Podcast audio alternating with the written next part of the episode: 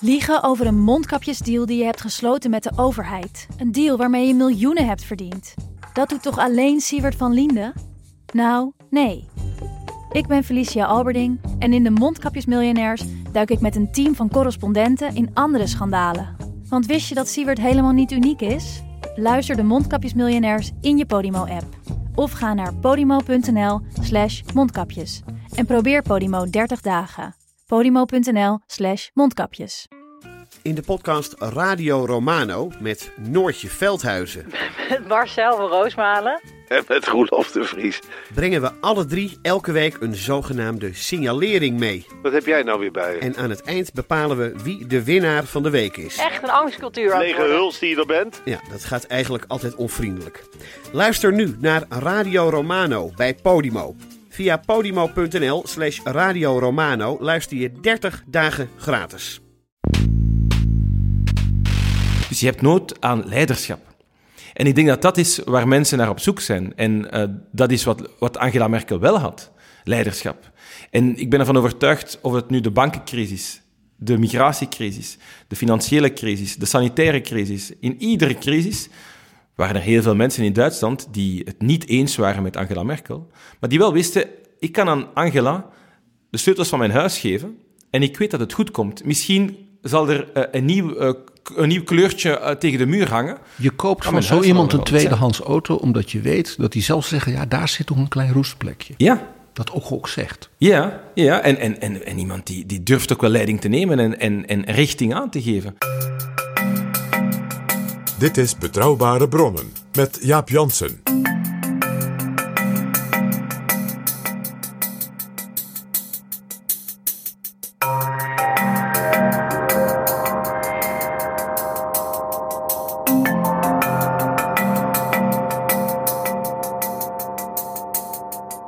Hallo, welkom in Betrouwbare Bronnen, aflevering 282 en welkom ook PG. Dag Jaap.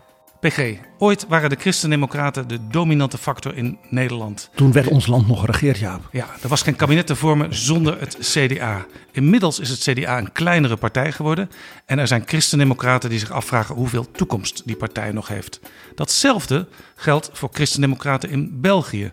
Die partij liep lang vooraan met leiders als Leo Tindemans, Wilfried Martens en Jean-Luc Dehane. De loodgieter. Nu haalt CD&V, zoals die partij daar heet, amper 10% van de stemmen. Hoe komt dat en is er nog een weg terug omhoog?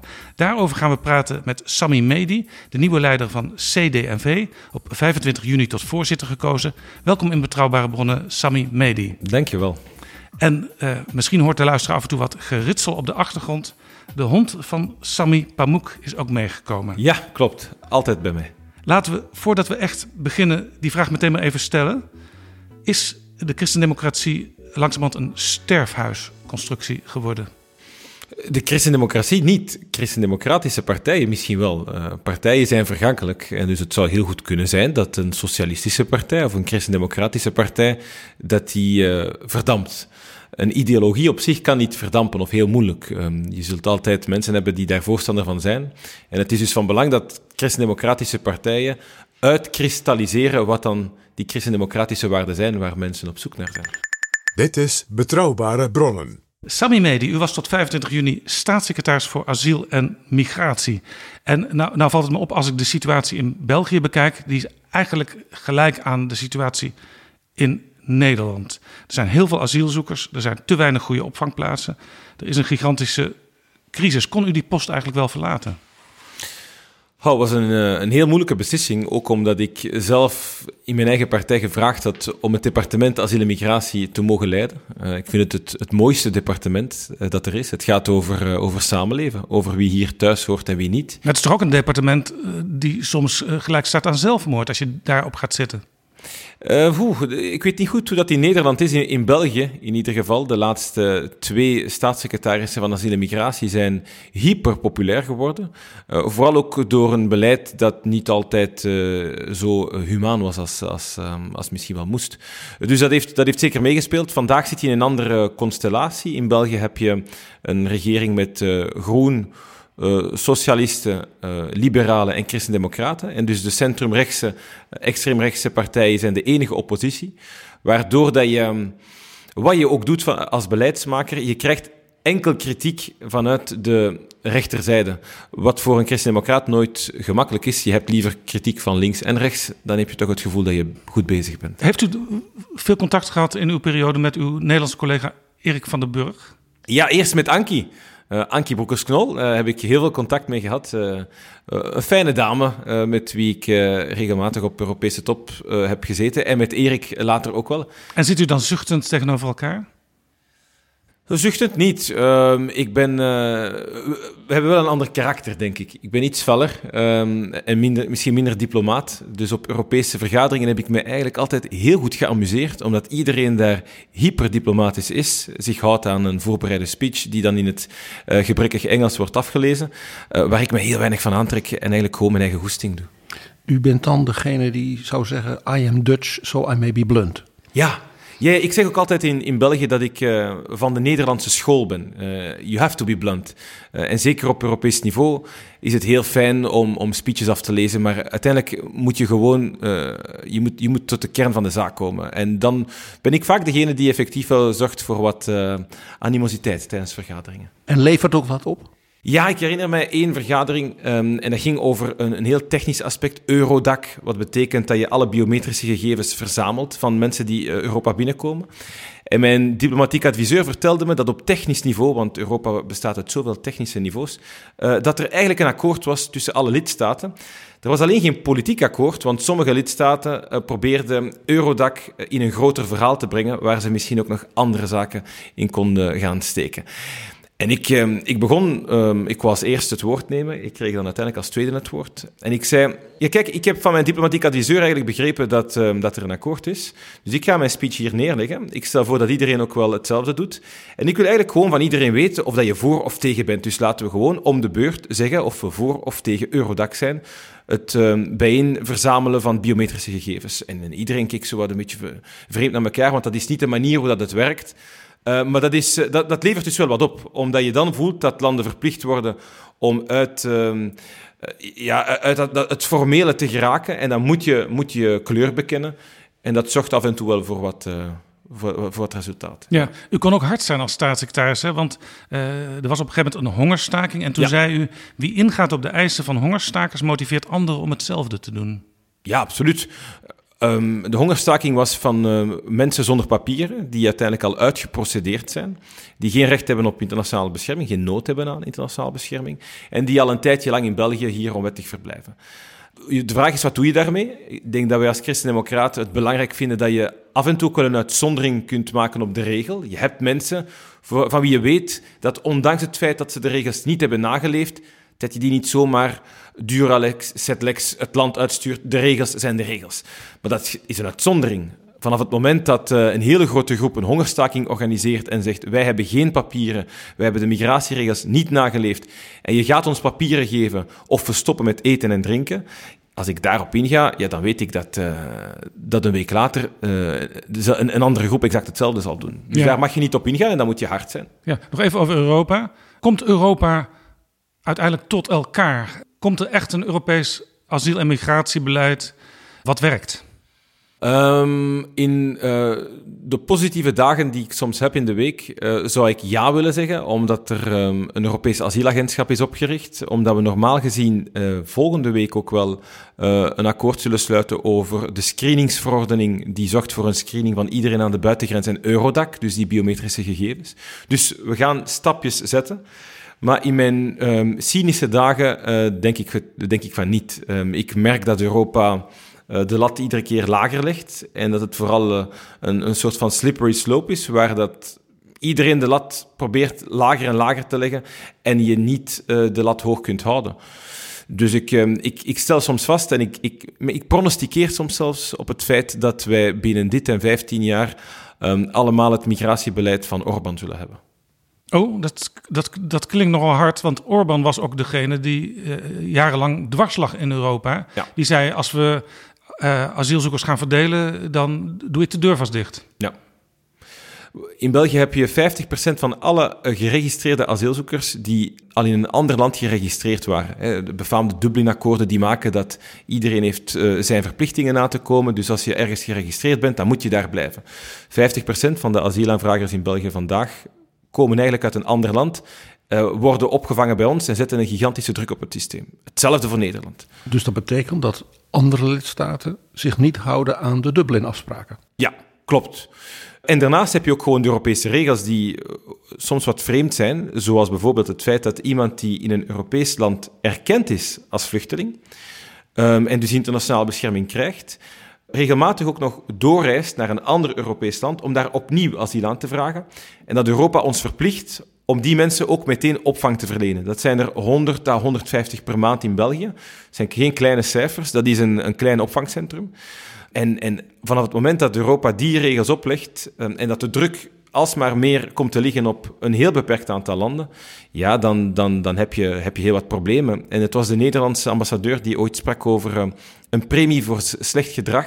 En dat heb je echt op Europees niveau. Ik mag niemand terugsturen naar Griekenland, omdat Griekenland zo slecht voor asielzoekers zorgt, dat ik ook verantwoordelijk word vanuit België voor Griekse asielzoekers. Hetzelfde voor Bulgarije. Um, en ieder land dat uh, de regels niet naleeft, uh, wordt beloond met uh, minder verantwoordelijkheid. Ja, dan moet ik er geen tekening bij maken hoe dat de situatie er binnen dit en 15 jaar zal uitzien. U zei dat u optimistische dagen had en ja. cynische dagen. Ja. Welke premieren?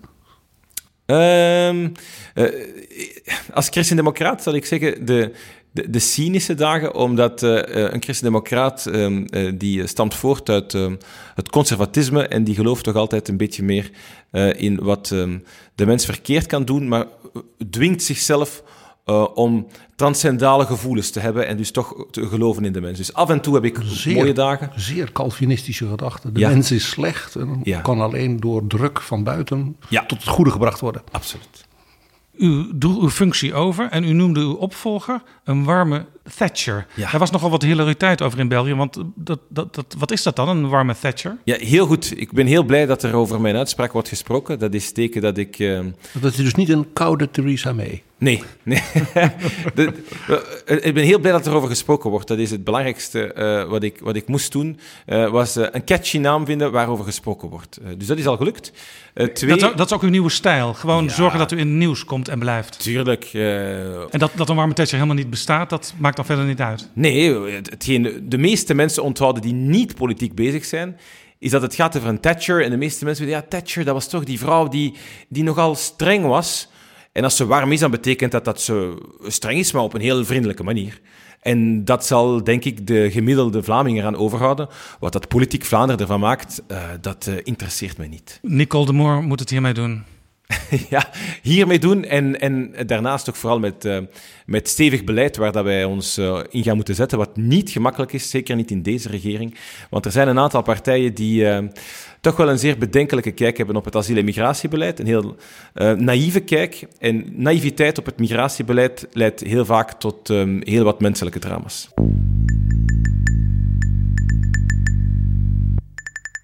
Laten we naar uzelf gaan. U bent 33 jaar oud. Ja. Uw vader is een Iraakse vluchteling. Uw moeder een Vlaamse. Mm -hmm. Toen u de politiek inging, werd al gauw over u geroepen de Vlaamse Barack Obama. En in uw Twitter-bio staat Barack Obama van den Aldi. Ja. toen moest ik meteen denken aan de Vira, die hogesnelheidstrein. Daar deugde helemaal niks van. En er was in Nederland ook een uh, enquête over. En die werd de Vira van den Aldi genoemd. Ja, in België wij doen heel graag aan uh, zelfrelativering. Ik ben al vier jaar de, de, de debater van CD&V uh, in alle mogelijke debatten. Schooldebatten, universiteitsdebatten. En de vraag wordt altijd gesteld aan alle politieke partijen. zeg nu eens in één zin waarom moet je stemmen op jouw partij. En dat is voor christendemocraten heel vaak een moeilijke opdracht, uh, want de liberaal die roept vrijheid, de socialist roept gelijkheid en de christendemocraat die uh, schuifelt tot op zijn stoel. Um, en dus um, was er een debat waar een journalist van de Standaard ook aanwezig was, waarin ik zei, in een wereld van Donald Trumps en Vladimir Poetins zijn wij CD&V de Barack Obamas van Vlaanderen. Alleen, we zijn nog niet op dat niveau. Dus ik beschouw me op dit moment vooral de Barack Obama van de Aldi. Een beetje zelfrelativering, uh, wat humor. Um, en ik heb het debat ook wel gewonnen met 50%, met nog zes andere partijen. Dus dan, uh, ja, overigens, Barack Obama leidde wel uiteindelijk tot Trump. Ja, en heel goed dat je dat zegt, om, omdat uh, weinig mensen dat willen aanvaarden. Uh, het is effectief zo en ik, ik, ik, deel de mening dat Barack Obama ook voor een stuk geleid heeft tot Donald Trump. Hoe gaat u dat voorkomen in Vlaanderen? Ik denk dat je een, een politiek moet voeren die niet enkel gefocust is op, uh, op de grote steden, op het groot progressief denken, waarin uh, mensen die het uh, goed hebben of die geloven in een globalistisch denken, alleen maar vooruitgeduwd worden um, in die perceptie, terwijl de rest, die in Amerika dan vaak op een heel negatieve manier de deplorables worden genoemd, dat die helemaal weg worden geduwd um, en waar geen aandacht aan wordt gegeven. Ik denk echt dat eh, de breuklijn van de globalisering de allerbelangrijkste is geworden vandaag de dag. En het is daar dat wij op ons moeten enten en dat we, mogen, dat we ervoor moeten zorgen dat we niemand achterlaten. We zullen het misschien straks hebben over de boeren, bijvoorbeeld. Maar ook dat is een van die aspecten waarin dat je merkt dat er een gigantische breuklijn is ontstaan. Um, en dat als je daar uh, je niet op endt en je niet focust op de juiste doelgroep, uh, dat je eraan onderuit gaat. U heeft een heel mooi boek geschreven met wake-up calls voor christendemocraten, waarin u ook over uzelf vertelt en uw achtergrond. En u vertelt dat u opgroeide met een rugzak vol onzekerheid. Waar zat hem dat in? Goh, ik uh, ben een, uh, een, gewone jongen geboren in, uh, in de, de, hoofdstad van, van mijn land, in, in, in Brussel. Ehm, hoofdstad van Europa. hoofdstad van Europa uit een, eh, een heel eh, gewoon gezinnetje. Mijn vader eh, die komt uit Irak, ehm, heeft wel hogere studies gedaan, maar ehm, ja, die hogere studies die telden hier niet. Dus... Hoe kwam hij in Brussel? Wel, mijn vader mocht een jaartje in het buitenland studeren. Dat mocht van Saddam Hussein. dat was een soort Erasmus-project. hij is dan naar, naar België gekomen. Heeft hier een jaartje gestudeerd aan de hogeschool heeft uh, zo mijn moeder leren kennen. Mijn vader is ook bierkoning geworden van zijn jaar. Wat ook wel heerlijk is, dat uh, een, een Irakees in, uh, in, in België, in Brussel, het land van bier, dan ook nog eens de, de, bierkoning wordt. Door u, u, meer te drinken dan U zult dat ook in uw politieke loopbaan natuurlijk nimmer evenaren. Nee, wellicht uw niet. Uw vader, wat dat betreft. Nee, nee, dat is zeker niet. Nee. Hij, hij, had diploma's, maar daar, daar kon hij niks mee in België. Wat, wat is hij gaan doen? Uh, mijn vader heeft 40 jaar lang bij het Rode Kruis gewerkt in de logistieke dienst. Mijn moeder uh, was medisch secretaresse uh, in een ziekenhuis voor 40 jaar. Um, en mijn grootouders waren ofwel ongeschoold, of, ofwel mijn grootmoeder was een kuisvrouw en mijn grootvader was een tramcontroleur. Ja, en uw, dus... uw ouders zijn ook heel bijzonder, want uw, uw vader is moslim, maar trouwde voor de kerk. Ja. en u noemt zichzelf besneden, gedoopt en agnostisch. Ja, heerlijk toch? Uh, ik noem mezelf uh, regelmatig spiritueel eclectisch. Uh, mensen horen dat niet altijd even graag, want dan denken ze, ja, daar is de christendemocraat weer met zo'n... Dan, dan horen ze dus vooral eclectisch en ze horen niet spiritueel. Ja, ja, inderdaad. Terwijl als je dan zegt dat je, dat je spiritueel bent, dan um, koppelt men er niet vaak iets religieus aan. Uh, spiritueel, dat is dan drie yoga-sessies per week of zo voor sommige mensen.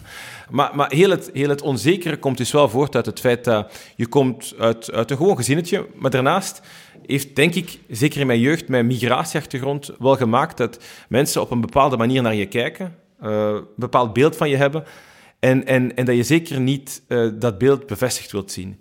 Dus, wat was dat beeld wat u niet bevestigd wilde zien? Heel uh, flauw voorbeeld, maar als ik uh, in de klas ehm, een vraag moet beantwoorden en ik beantwoord die vraag slecht, of ik maak zoals heel wat achtjarige kinderen een de hut fout, ja, dan zal die op mij veel meer kleven omwille van het feit dat ik een andere achtergrond heb. Of toch, zo voelen dat bij mij heel vaak aan.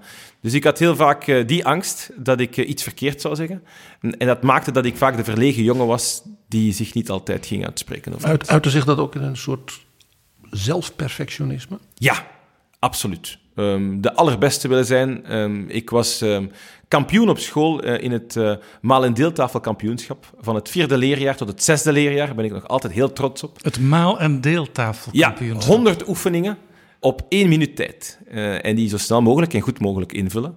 En dat, dat deed ik heel graag. Dus zowel wiskunde als lezen en schrijven. Want ik ging met mijn moeder iedere week naar de bibliotheek. Um, ik heb ieder boek gelezen in mijn bibliotheek in de gemeente die er lag van 0 tot 18 jaar. En ik, uh, ik wou ook altijd de beste zijn. Ja, absoluut. Maar toen was u een verlegen vogeltje en ja. ergens is die flamboyante politicus ontstaan. Ja. Uh, hm. Weet u de dag nog? Ik denk dat dat uh, wat, wat, gradueel is gekomen. Het heeft altijd in mij gezeten om, om, om graag te communiceren, uh, mijn mening te ventileren. Maar de durf die was er niet. En wat eigenlijk bij mij geholpen heeft, uh, is um, uh, mijn opvoeding en, en de beleefdheid in de opvoeding. Namelijk, als iemand je een vraag stelt en die persoon is ouder dan je, dan zeg je ja. Dus als je uh, de vraag krijgt om een opiniestuk te schrijven, omdat je een mening hebt, dan schrijf je een opiniestuk en dan stuur je dat naar de krant. En dan heb ik zo mijn eerste opiniestuk geschreven en werd ik drie maanden later, na het schrijven van vijftien opiniestukken, vaste columnist bij De Morgen. Als uh, de VRT je uitnodigt om uh, in de zevende dag een politieke talkshow te gaan spreken, dan zeg je ja, want dat is een oudere man die je iets vraagt om te doen en dat doe je. Maar dus iedere keer uh, met knikkende knieën. maar zo, zo duw je je er wel door en uiteindelijk bouw je wat zelfzekerheid op. En ja, vandaag doe ik eigenlijk niets liever dan voor grote zalen te spreken. Dus toen u onlangs gevraagd werd om partijvoorzitter te worden, en dat is in België ook de politiek leider, ja. toen zei u ja. Ja, uh, tuurlijk. Ik, uh, ik, ik, was ook al kandidaat drie jaar geleden. Toen heb ik het nipt niet gehaald met 3% verschil. En ik heb altijd de, de instelling, eh, als ik het gevoel heb dat het niet goed komt zonder mij, dan moet ik het zelf doen. Dus ik kijk ook wel graag naar uh, andere mensen, uh, hun ambities, omdat ik uh, heel graag ook op asiel en migratie ja. zat. Drie jaar geleden zei een oud bisschop nog, hoe kan dat nou, een moslim als voorzitter van CD&V? Ja, dat was niet eens drie jaar geleden, maar drie weken geleden. Oh. bij mijn aanstelling als, als voorzitter. maar die, die, die bisschop ging kardinaal worden en ondertussen niet meer.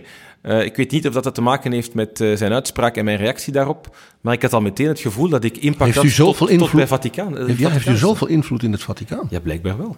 Dat is een heel apart soort spiritueel eclecticisme. uh, even, schaamt u zich voor die uitslag, die 96 procent? Nee. Want dat is toch een beetje pijnlijk, toch? Een beetje Noord-Korea. Uh, heel trots op, uh, op de uitslag, 96,8% om precies te zijn. Um, en dat uh, is iets waar ik wel trots op ben, omdat je de enige kandidaat bent en waardoor ik vooral ook uitkeek naar de opkomst. Hoeveel mensen zijn dan precies gaan stemmen? Dat waren er heel veel, um, meer dan 50%, in een verkiezing waar dat je normaal gezien voor een partijvoorzitter-leider, in België is dat één functie, um, dat je, als er maar één iemand opkomt, dan komt amper 30%, stemmen. In dit geval was dat een massale opkomst. En dat geeft een heel stevig mandaat om nu ook wel aan de dinosaurussen in de partij te vragen om toch iets beter te luisteren. Ja, uw voorganger uh, was zo'n dinosaurus en hij is afgetreden toen uh, de peilingen zeiden... er is nog maar 8,7% van de stemmen over voor CD&V. Ja. In Nederland zeggen we heel vaak peilingen zijn palingen. Daar moet je niet te veel van aantrekken. Iedereen trekt zich iets aan van peilingen. Uh, de, de, de politicus die onder een leugendetector um, aangeeft uh, zich niets aan te trekken van peilingen en, en dat de leugendetector zegt dat, uh, dat de man in kwestie niet liegt, die moet ik nog tegenkomen. Iedereen is bezig met peilingen en zeker met een tendens in peilingen. Als je drie peilingen achtereen 1% achteruit gaat, dan is het paniek in de gangen. Overal. Paniek in de gangen, ja, letterlijk? Absoluut. Absoluut. Waar uitzicht dat in? Omdat je een tendens begint vast te stellen. En één peiling kan nog altijd wel het gevoel geven dat er misschien wel in de foutenmarge iets verkeerd gebeurd is. Maar als dat drie peilingen op een rij, en dat is dus om de drie maand, uh, zich voordoet, ja, dan weet je dat er een bepaalde tendens is waarvan je ook niet weet wanneer ze stopt en waar ze stopt. En waar ze kan stoppen is op 0%, want dat is uh, de ondergrens van iedere politieke partij. Um, en dus dan sluipt er paniek in de rangen. Absoluut. Net zoals als de partij er toevallig anderhalf procent op vooruit gaat, dat de champagneflessen overal worden ontkurkt, um, ook al zal men dat niet uh, naar de, in de buitenwereld uh, laten weten. Dus uw voorzitterschap is een uiting van paniek? Mijn voorzitterschap is denk ik vooral een uiting dat het anders moet. Uh, dat er heel wat zaken zijn die radicaal moeten veranderen. En dat er ook geen ruimte meer is om het te doen op een heel voorzichtige en gekende manier. Dus u gaat vijanden maken? Uh, in andere politieke partijen zeker. Ik denk dat een politieke partij zonder vijanden niet, niet bestaat. Dan, dan moet je niet aan politiek doen. Maar u gaat ook mensen in de eigen partij zeer doen? 97% van de CD&V-leden heeft op mij gestemd, dus ik weet niet hoe dat de andere 3% er naar kijkt. Maar uh, ja, partijvoorzitter zijn is ook durven keuzes maken. En dus ja, sommige mensen zullen niet tevreden zijn met de keuzes die ik maak, uh, maar ik draag uiteindelijk de eindverantwoordelijkheid. En als eindverantwoordelijke moet ik doen wat ik denk noodzakelijk te zijn voor de partij. Maar u begon uw voorzitterschap eigenlijk op een hele traditionele manier. Want u ging uithalen naar de andere partijen. U noemde de Groenen dogmatisch. Ja. U noemde de Liberalen individualistisch en egoïstisch. Ja. Uh, links betutteld. De NVA, ook. de, de, de Vlaamse nationalisten, de gematigde partij, ook betuttelend. Ja. maar het gaat toch vooral om uw eigen partij. Uw eigen partij moet toch weer gaan glimmen en gaan blinken. En dan red je het niet met alleen maar anderen van iets beschuldigen. Nee, je moet, je moet beide doen. Maar je hebt wel uh, politieke vijanden nodig. Uh, want dat is waar de democratie om gaat. Geen vijanden met wie dat je uh, fysiek een strijd voert. Maar de politieke arena bestaat uit personen die een andere mening hebben. En, en die op een heel beschaafde en beleefde manier van mening mogen verschillen. En dan is het aan de kiezer om uit te maken in welk programma ze geloven. Dus je hebt nood aan een eigen programma. Uh, in deze is dat bij, bij ons als Christen-Democraten een programma dat bestaat uit, uit, drie pijlers, wat mij betreft. Wij zijn Daansisten. We hebben de morele plicht om ons te ontfermen over mensen die het moeilijk hebben. Dus je moet... U bedoelt hier, u wijst hier maar naar Pater Daans. Ja. Ja. Voor niet iedere Nederlander onmiddellijk een begrip. Nee, dat is waar in België wel. Ja, helemaal ja, ja. juist. Ja, ja. Wat, wat, wat, wat, is de kern van Daans zijn, zijn, zeg maar zijn, zijn filosofie? Dat komt voor een stuk ook wel voort uit wat men in Nederland misschien wel beter zal kennen als rerum novarum encycliek van... Katholiek sociale leer. Ja, ja, die aangeeft dat christendemocraten de morele plicht hebben om zich te ontfermen over uh, degenen die het moeilijk hebben. Zeker als je het onderscheid maakt met conservatieven. Conservatieven geloven net zoals christendemocraten dat je geen heel grote betuttelende overheid hebt. Je, je, dat je belang hecht aan, aan familie, aan traditie, aan cultuur. En evolutie in plaats dat van revolutie. Effectief, zaken uh, evolueren en niet in, in, in een revolutie. Dat je niet tegen verandering bent, maar die begeleidt. Uh, maar het onderscheid tussen een conservatief en een christendemocraat doet zich op socio-economisch plan wel voor door het feit dat een christendemocraat beseft dat de markteconomie voor een stuk ook wel gecorrigeerd moet worden om mensen niet achter te laten die in uh, een, een, een, economie die soms het wat kil kan zijn, uh, geen rekening houdt met, met een aantal factoren waar, waar je in het leven wel rekening mee moet houden, namelijk met pech. Dus u bent een Daansist? Ja. En dan, wat bent u nog meer? Een Europeaan? een gemeenschapsdenker. Uh, dat is het tweede aspect. Dus het gaat over een, een niet betuttelende uh, partij. Een partij die vertrouwen geeft aan mensen. En niet overal vanuit de overheid in komt corrigeren. Waar ik van mening ben dat wij als uh, CD&V'ers, meer dan CDA, heel vaak betuttelend overkomen naar de bevolking toe. Je mag dit niet, je moet dit. we gaan twintig regeltjes opstellen vooraleer dat je aan een bepaald project mag beginnen. En dus daardoor ontneem je mensen een vorm van burgerschap. En ik ben er wel van overtuigd dat um, er, goed en slecht zit in de mens, maar dat je het goede in de mens weinig kans geeft als je uh, het op heel wat uh, politieke manieren moeilijk maakt voor mensen om effectief aan de start te gaan. iets, iets, iets te ondernemen, als, als burger ook wel je plicht op te nemen. En mensen moeten ook het recht hebben om fouten te maken en daar zelf van te leren. Ja, zeker wel. Ja, er is weinig verkeerd aan. Um, en, en je kan vanuit de overheid ook niet alles uh, controleren, alles perfect maken. Want dat leidt toe tot overbureaucratie en België heeft daar wel wat van. Hè? Ja, absoluut. Als je, je België... meer dan één regering en zo. Ja, als je in België eh, ook gewoon een vereniging wilt oprichten, dan moet je eerst eh, twintig uh, verschillende documenten doornemen, doorpluizen en ondertekenen, uh, waar je geen goestingen hebt. Je wilt gewoon iets kunnen ondernemen, iets leuks kunnen doen. Uh, en het betuttelende komt heel vaak voort, ook in een samenleving die wil beschermen en iedereen gelijk en gelijkwaardig wenst te behandelen. Dan merk je dat er partijen zijn, zoals socialisten, die geloven in een sterke overheid die ieder verschil wegneemt in de samenleving. Uh, vandaar dat ik ook wel kritiek had op het voorstel van onze socialistische vrienden om peuters vanaf de leeftijd van zes maanden verplicht naar de kinderopvang te sturen, om helemaal zeker te zijn dat elk kind, elke peuter, dezelfde opvoeding zou krijgen en dus gelijk aan het leven zou starten. Ja, zo kleurloos zie ik het leven niet. Dat is de repressie van de goede bedoelingen. Ja. En het laatste aspect misschien ook wel, uh, in de, de, derde pijler voor mij, die ook wel uh, misschien nog de meest fundamentele is, dat is het mooie woord rentmeesterschap. Uh, wij bouwen de toekomst van vandaag, maar ook die van morgen. En dus je moet de wereld beter achterlaten voor de volgende generatie. En wat mij betreft is dat op. Dus je bent wel een klimaatapostel? Uh, ja, klimaat, maar meer dan klimaat alleen. Uh, ik zeg heel vaak dat de groene partijen nooit hadden mogen bestaan. Dat het onze schuld is als christendemocraten dat groen bestaat. Um, uh, en dat, dat mensen die gefrustreerd zijn en kwaad zijn op wat groen soms ook wel heel dogmatisch doet, dat ik mij daarvoor moet verontschuldigen. Want het is mijn schuld dat mensen met groene ideeën uh, op een heel asociale manier um, een stuk van het, het, het groene verhaal uh, bemoeilijken. Ja, we hebben nu in België en in Nederland eigenlijk hetzelfde probleem met stikstofbeleid. Ja. Uh, het beleid wordt nu neergezet en in Nederland gaat het in overleg met de provincie. In Vlaanderen gaat dat wat centraler. Mm -hmm. Maar de opstand onder boeren, die is vergelijkbaar. Ja, en die is terecht. Terecht? Tuurlijk is die terecht, ja. Wat, wat gaat er mis in het beleid? Wel, ik denk dat je vanuit het beleid ook perspectief moet geven aan je boeren, wat dat er te weinig gebeurt. Ik denk dat wij onze landbouwsector ook wel verder moeten moderniseren. Ik geloof in een vorm van ecomodernisme, niet in ecodogmatisme.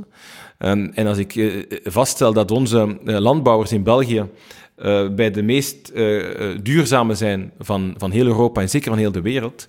Dat zeggen de Nederlandse landbouwers trouwens ook. Ja, iets ook zo. Hetzelfde. Als je kijkt naar de, de Belgische koeien, zijn de beleefdste koeien van heel de wereld is echt waar. Zijn, die krijgen de beste opvoeding. Uh, de CO2-uitstoot van een Belgische koe is, is, de helft van die van een gemiddelde koe in de wereld. Um, en dat heeft te maken met innovatie, met het eten, met de stallen, met uh, de manier waarop uh, dat landbouwers te werk gaan. Ja, alleen er wordt gezegd, ook in Nederland, er zijn te veel beesten op een te klein oppervlak. Ja. En ja, als je in Nederland 73% van de stikstofuitstoot eruit wil uh, ja, dan moeten er drastische maatregelen genomen worden. Ja, uh, dat je maatregelen moet nemen, daar uh, denk ik heeft geen enkele landbouwer een probleem mee. de vraag is op welke manier dat je het doet en dat je voor een stuk ook wel um, je vlees exporteert. ik denk dat je de vraag moet stellen, beschouwen we landbouw ook als een, um, een economische sector of niet?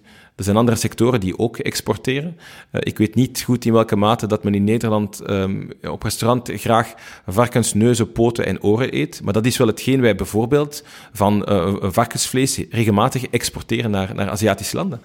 Um, dus dat maakt daar deel van uit. Dus heb je um, een, een het sector... Is het is natuurlijk gewoon een zeer hoog ontwikkelde, zeer technologische industrie. Absoluut. Het idee van dat de boer hè, zo een, een, een, landman is met zo'n zakdoek en, zo met, en, en, en een gier en zo, dat is natuurlijk 19e eeuwse romantiek. Ja, en ik denk ook wel dat de, de de technologische evolutie die zich voordoet in onze sector ook wel een impact kan hebben in de rest van de wereld. Als je kijkt naar onderzoek over bandenspanning uh, van, van een tractor om te weten hoeveel uh, grond, uh, de dichtheid van grond er ontstaat. de drones die meer en meer ook wel gebruikt worden, ook op landbouwvelden, om, om, om, de, om de grond te onderzoeken. De manier hoe dat er met water wordt omgegaan.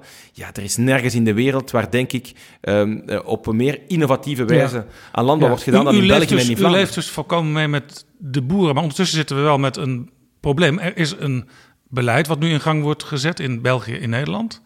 Uh, boeren zijn boos en onzeker. Ja. Uh, hoe brengen we dat weer bij elkaar? Wel, het is aan, uh, aan beleidsmakers om vooral een, de landbouwsector een, een, toekomstperspectief te geven. En dat is de vraag die we onszelf moeten stellen. Ook opnieuw op de breuklijn van de globalisering is de vraag welke, welke toekomst zien we voor onze landbouwsector. En ik weet dat een aantal groene partijen, ook de N-VA in ons land, um, aangeeft dat vandaag de landbouwsector in België meer exporteert dan iets anders. Um, en dat is voor een stuk zo. Ja, in Nederland wordt twee derde van wat geproduceerd wordt geëxporteerd. Ja, regelmatig wel naar Duitsland, Frankrijk, uh, België of, of Luxemburg, dus de buurlanden. Uh, dus dat is één. Uh, en twee, ja, mag je de vraag stellen. wij importeren heel veel energie.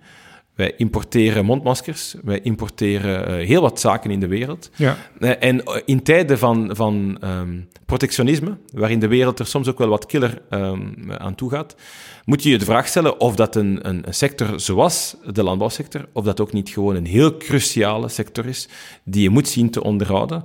Um, als, je, als er slechtere tijden aankomen, dan heb ik toch liever nog altijd ja. brood en vlees van bij ons. Maar goed, uh, dan zijn we nog steeds niet van het stikstofprobleem wat nu acuut is af. Nee, en dus moet de sector zeker innoveren. En zijn er een aantal landbouwers ook die, uh, die een aantal inspanningen moeten en zullen leveren. Ik zag een filmpje uh, gisteren nog verschijnen op Twitter, uh, uit Nederland trouwens, van een landbouwer die een stuk van zijn grond had omgevormd tot natuurgebied. Ja. En door het feit dat hij een stuk grond had omgevormd tot natuurgebied, mocht hij niet meer als landbouwer zijn werk doen. Dus het wordt natuurlijk heel vreemd. Hij had eigenlijk zijn eigen kuil gegraven. Ja, als je eigen inspanning om een stuk om te zetten tot natuurgebied, dat dat ervoor zorgt dat je dan in een regio terechtkomt die dan beschouwd wordt als natuurgebiedregio en je als landbouwer zelf moet stoppen terwijl je inspanningen hebt geleverd. En dus daar denk ik dat de landbouwsector terecht vraagt om daar op een rationele manier naar te kijken en niet op de, de huidige wijze die, die vaak heel arbitrair is. Is de spagaat niet eigenlijk dat u aan de ene kant zegt, je ziet hier die breuklijn, ook die scheur hè, ja. van de globaliseringsontwikkeling en de moeite van mensen daarmee. En tegelijkertijd dat die sector die dus zich uit als we hebben zo'n grote zorgen en we voelen ons onzeker enzovoort. enzovoort. Zeg maar, als je kijkt naar de ontwikkeling economisch, technologisch, eh, innovatief, zeg maar tot de meest geavanceerden behoort van die globaliseringsontwikkeling. Ja, maar Dat is een hele rare spagaat. De oplossing zit dus in nog veel meer van, laat zeggen, die sterke krachten van de globalisering in die sector. Ja, ik weet niet goed of dat de krachten zijn van de globalisering, maar het, is, het zijn wel, als je kijkt naar eh, de innovatie ehm, in de landbouwsector in Vlaanderen, dan komt die voort ook uit onze Vlaamse universiteiten. En, en zeker wel eh, in, in een mondiale wereld waarin dat er kennis wordt overgedragen. En dus kennisoverdracht is één ding, en daar moeten we absoluut werk van maken. Ja. Maar je moet ook wel lokaal ervoor zorgen dat je eigen sector vooruit gaat. En zeker als het gaat over landbouw, dan merk je bij heel wat mensen die ook geen landbouwer zijn, ja, de ongerustheid over een wereld waarin dat we twee jaar geleden aan de Chinezen moesten vragen om mondmaskers en heel vriendelijk moesten smeken. En ondertussen een stuk uh, laken moesten uitknippen om, uh, om creatief uh, het, zelf het is ook wel te paradoxaal, hè? want u zegt ehm, we, we zijn te veel meegegaan in de globalisering, hebben te weinig gelet op de negatieve effecten. Ja. Zeker mensen ook eh, buiten de steden voelen zich soms wat verweest. Maar aan de Ja. andere kant, juist mensen die in de landbouw zitten, eh, die hebben ook heel erg van de globalisering geprofiteerd met de export. Ja, maar het- het- je moet ook hun leven. helemaal radicaal terugkeren naar de wereld van, van 500 jaar geleden. Dus je hebt een sector die effectief moet kunnen exporteren. En België, Vlaanderen, Nederland, wij, wij zijn niets zonder de export. Dus je moet in een handelsmarkt kunnen functioneren, want anders stel je helemaal niets voor. Uh, maar je vertrekt wel altijd vanuit de bezorgdheden die, die in je eigen land leven, die lokaal leven. Want als je daar geen rekening mee houdt en je uh, bent meer bezig met de, de handelsbeurs van Tokio dan met wat mensen, dan de bingoavond in een, in een lokale afdeling in Vlaanderen, ja, dan speel je mensen kwijt.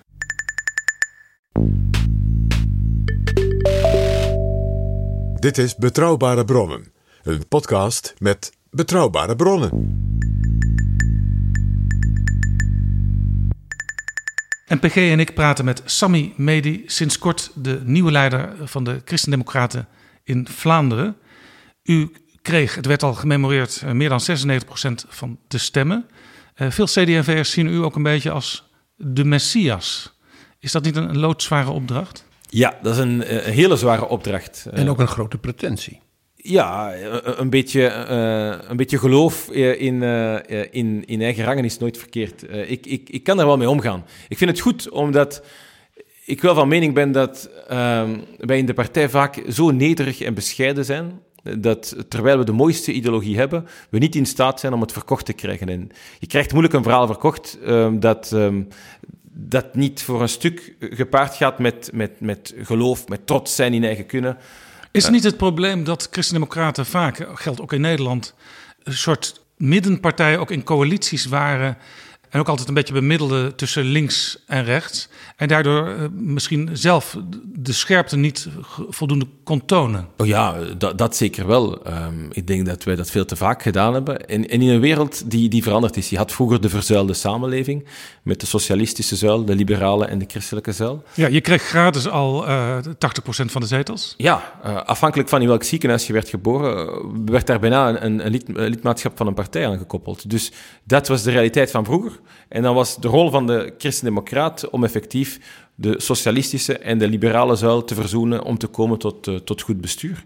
Uh, maar die wereld bestaat niet meer. Je zit in een samenleving die niet meer verzuild is. Dus de, ook uw partij kan niet meer, zeg maar, de Jean-Luc Dehane loodgieterrol vervullen? Nee. En welke rol dan wel? Wel, de rol van de christendemocraat die terugkeert naar zijn eigen ideologie en de basiswaarden, de basisprincipes van, van de partij.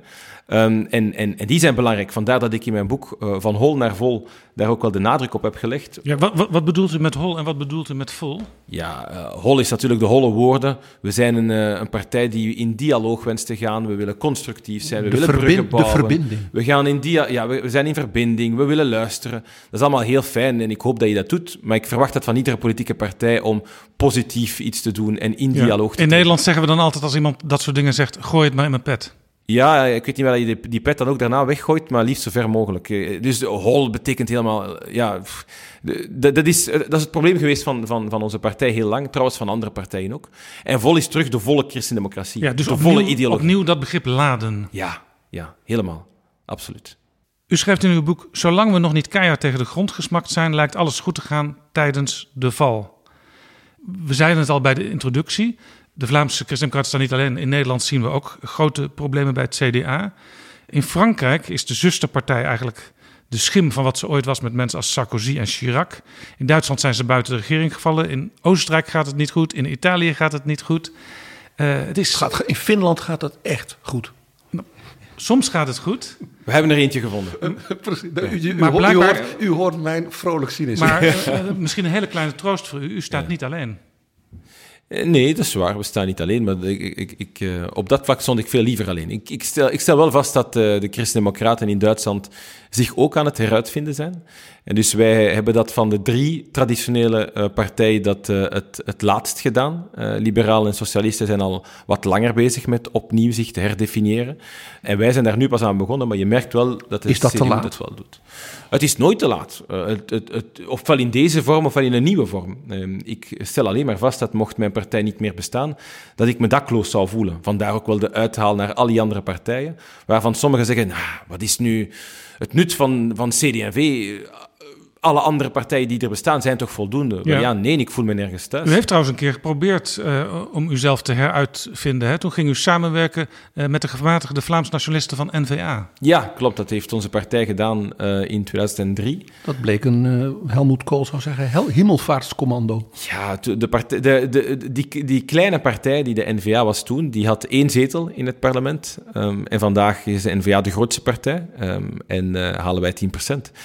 Dus, uh, en waarom heeft de partij dat toen gedaan? Omdat uh, je in begin jaren 2000 het groot progressief blok kreeg van de liberalen en de socialisten, die de regering paars hebben gemaakt. Een begrip dat wij ook in Nederland kennen. CD&V uh, kon niet meer besturen, was net, in paniek. Net als het CDA, dus hè, na een eeuw altijd in het ja. midden en de balanspartij en het evenwicht en de loodgieter bij u. En een man als Wilfried Martens, mm -hmm. ook zo'n zo, zo vaderlijke figuur bijna, die de, de zaak bij elkaar hield met koning Boudewijn samen. Ja. En toen was het over was het over en was het paniek. Want de enige manier om te groeien als christendemocraat is door te besturen. En dus we besturen niet, dus we moeten er iemand bij halen om zeker te zijn dat we de volgende keer weer uh, de pen in handen hebben bij opmaak van het regeerakkoord. En dat is denk ik niet, uh, niet zo verstandig geweest, dus je moet, je moet opnieuw vertrekken vanuit je basiswaarden. Zegt u in feite ook, een tijdje in de oppositie kan heilzaam zijn? Ja, zeker wel. Uh, hoeft ook niet. Kan perfect vanuit, vanuit de meerderheid. Maar je moet, je moet wel beginnen te weten met waar dat je zelf voor staat. Uh, socio-economisch, socio-cultureel. Op de breuklijnen die vandaag bestaan, moet je je heel duidelijk opnieuw gaan heruitvinden. En niet vertrekken vanuit uh, status quo en kijken hoe dat je hier en daar wat kunt fine-tunen. Want dat is wat wij heel vaak doen en enkel doen, namelijk het beleid dat bestaat fine-tunen. Terwijl er ook gewoon zaken zijn die fundamenteel niet werken en die helemaal herbekeken moeten worden. Wat werkt niet en moet fundamenteel bekeken worden? Uh, op mijn departement, het migratiebeleid bijvoorbeeld, werkt helemaal niet. En je, je, je kunt het niet uh, gaan, gaan corrigeren door hier en daar wat, wat pleisterwerk. U zegt mijn departement. Ja, ik, het, zit er nog, het zit er nog heel het, erg in, hè? Het zit er nog heel in. Ik heb ook tegen mijn opvolgster gezegd dat ik altijd een beetje schoonmoeder zal blijven. Dus daar kan ik weinig aan doen. Ja, schoonmoeder, dat betekent in België... Vaak wordt de partijvoorzitter zo genoemd. Ja. Degene die zich overal mee bemoeit. Ja, ja, ja, ja inderdaad. U bent wat Ruud Lubbers in, in, in, het CDA en in Nederland ook was... waar men zei, niets is voor een staatssecretaris van minister zo eng... als wanneer de premier belt en zegt, zal ik even meedenken. ja, dat, dat, dat doe ik heel graag, meedenken. Uh, ja, heel het pensioensysteem in België moet helemaal uh, herbekeken worden. Daar bestaan ook al een tijdje lang plannen rond, maar daar wordt weinig mee gedaan.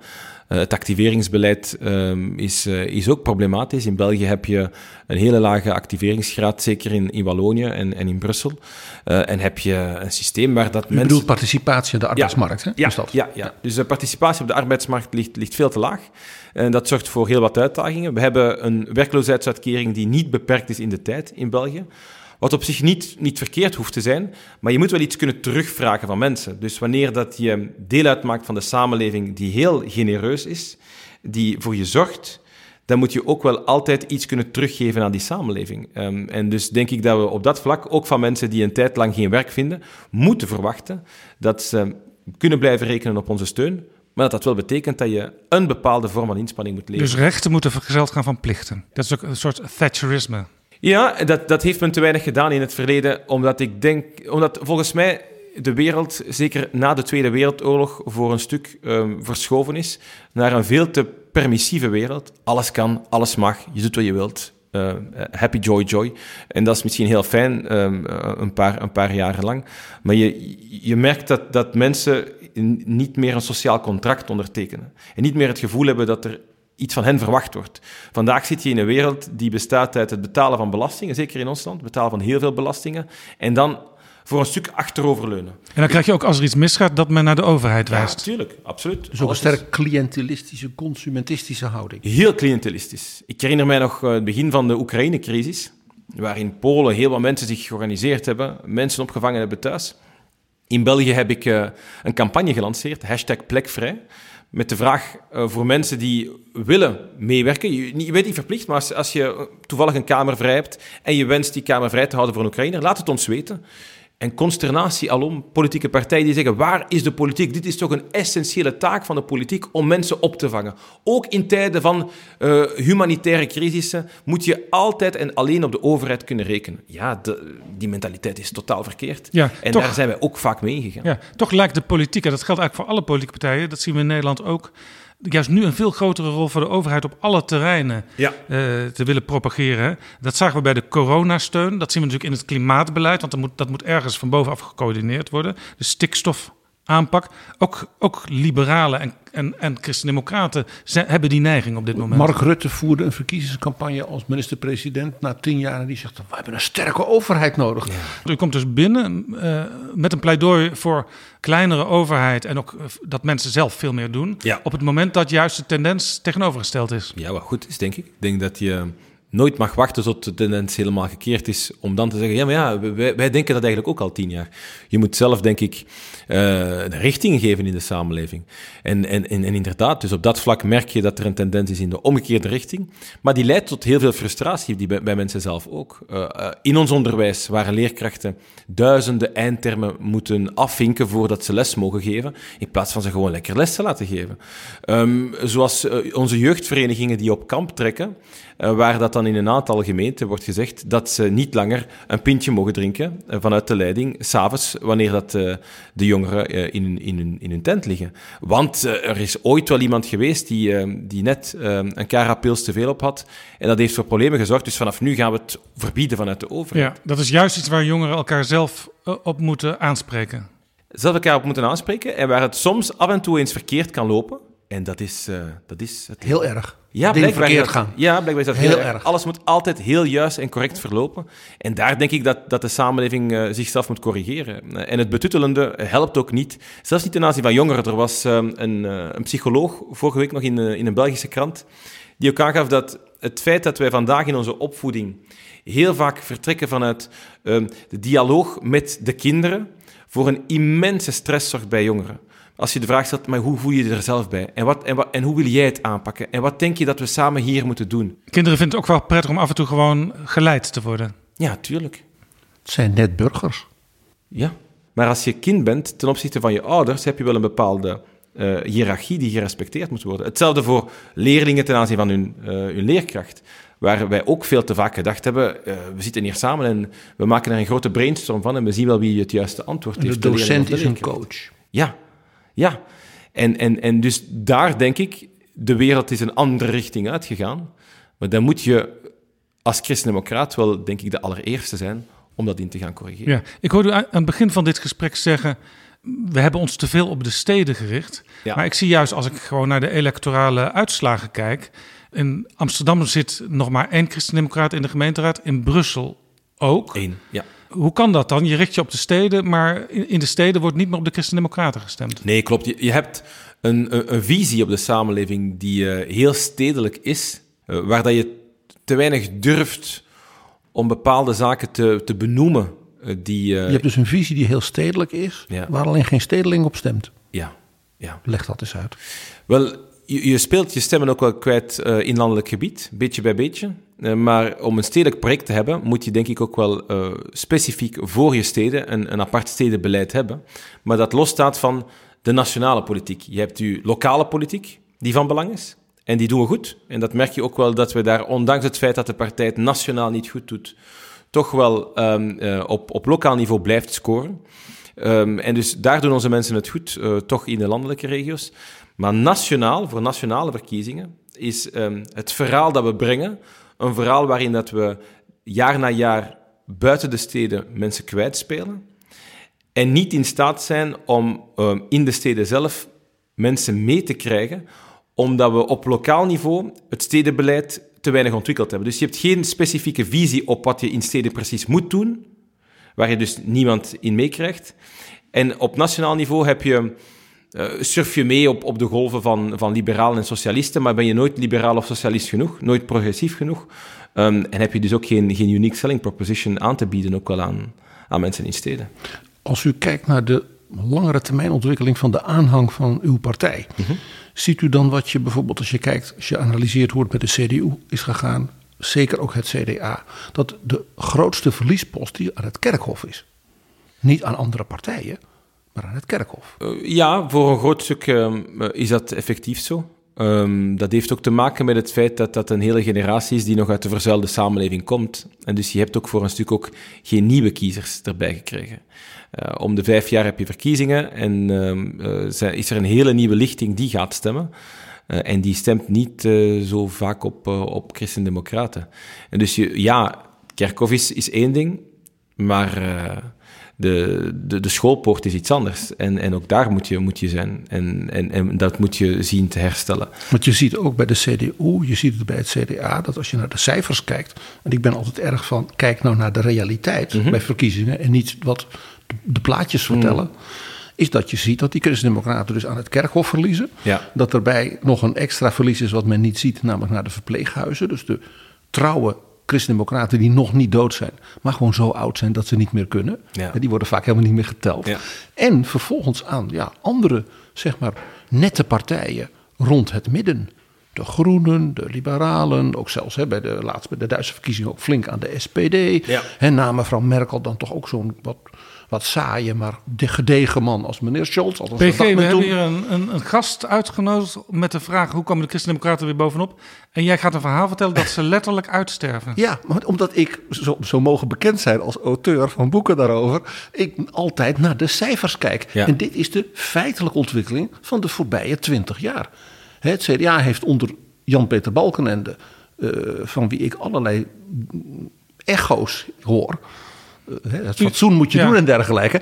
eh, heeft toen nog een, een, weer een fase van opgang gehad. En is daarna, als het ware, in die trend versneld zelfs weer. Ja. U Eh, begon net als als voorzitter van de, van de jonge Christen-Democraten. Ja. Dus u heeft misschien wel een idee hoe u ook jongeren weer naar de partij kunt halen.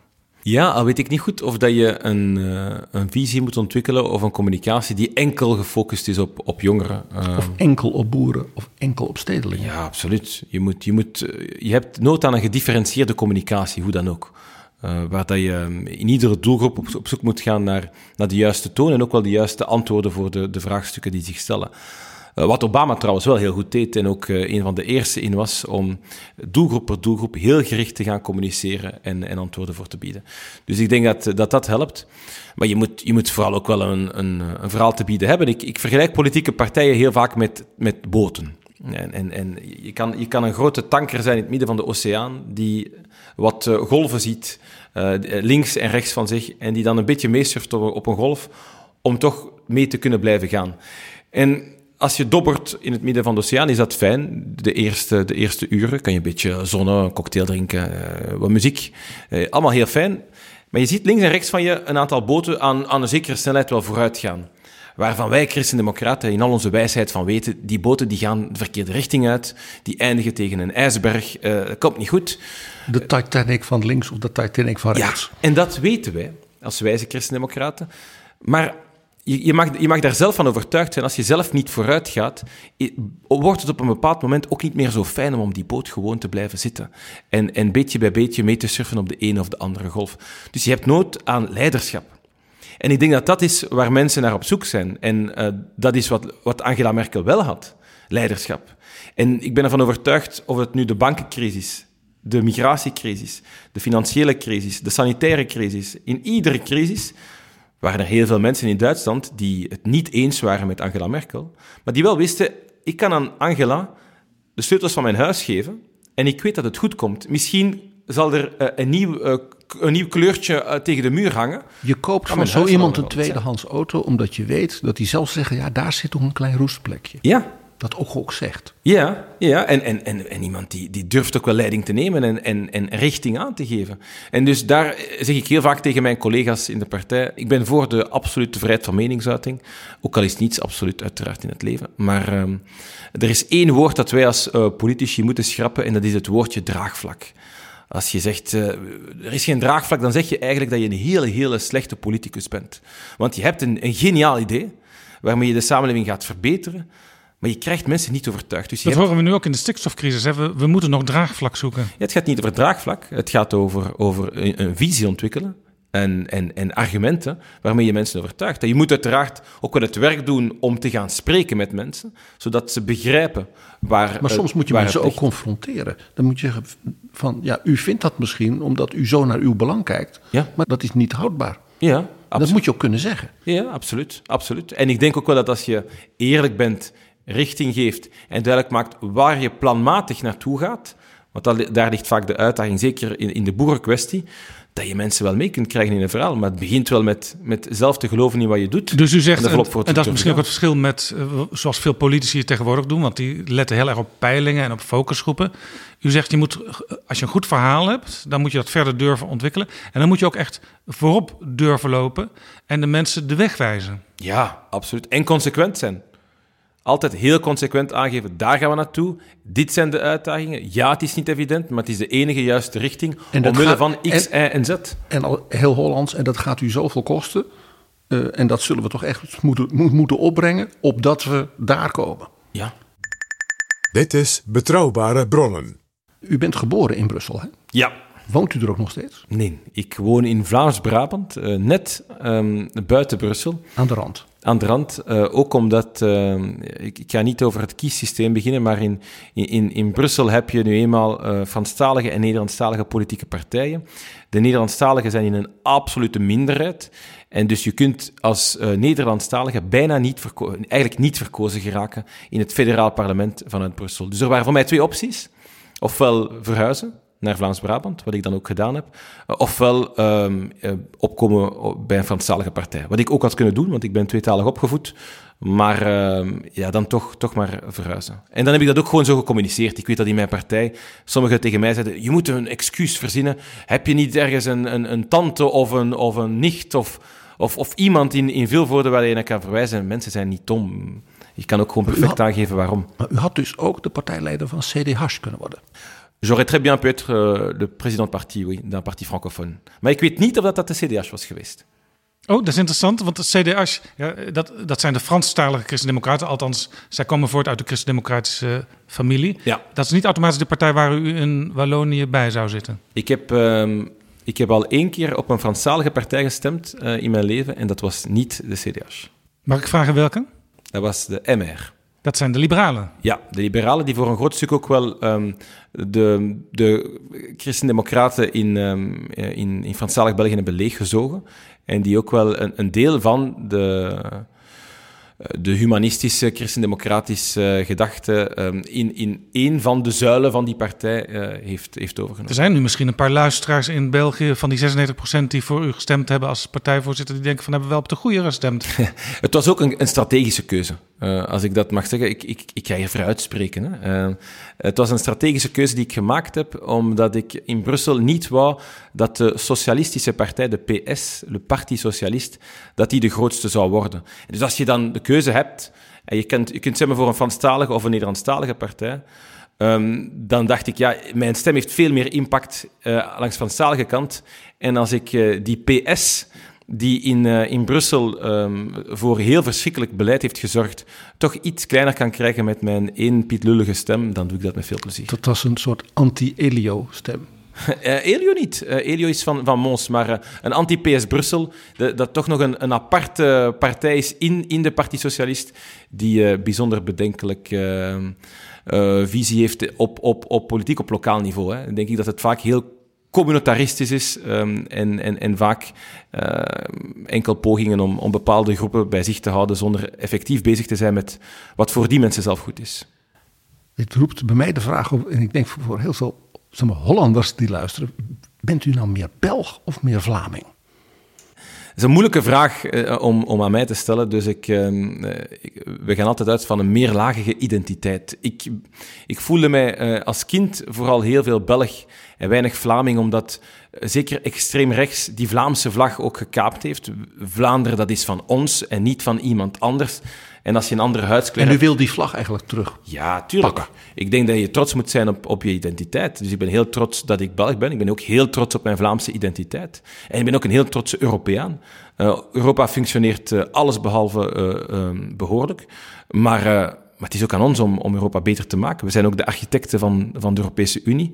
Um, en ik, ik denk dat we Europa veel meer moeten durven uitdragen. En we ontmoeten elkaar vandaag in Nederland. We nemen dit op op de dag van de Christendemocratie, georganiseerd door het Wetenschappelijk Instituut van het CDA. Ja. U komt naar Nederland. Uh, wij willen graag wat vaker ook naar België komen. Zeker doen. En we willen zeker ook graag nog een keer verder praten met u. Mag ik u hartelijk danken voor dit gesprek. Dank je wel.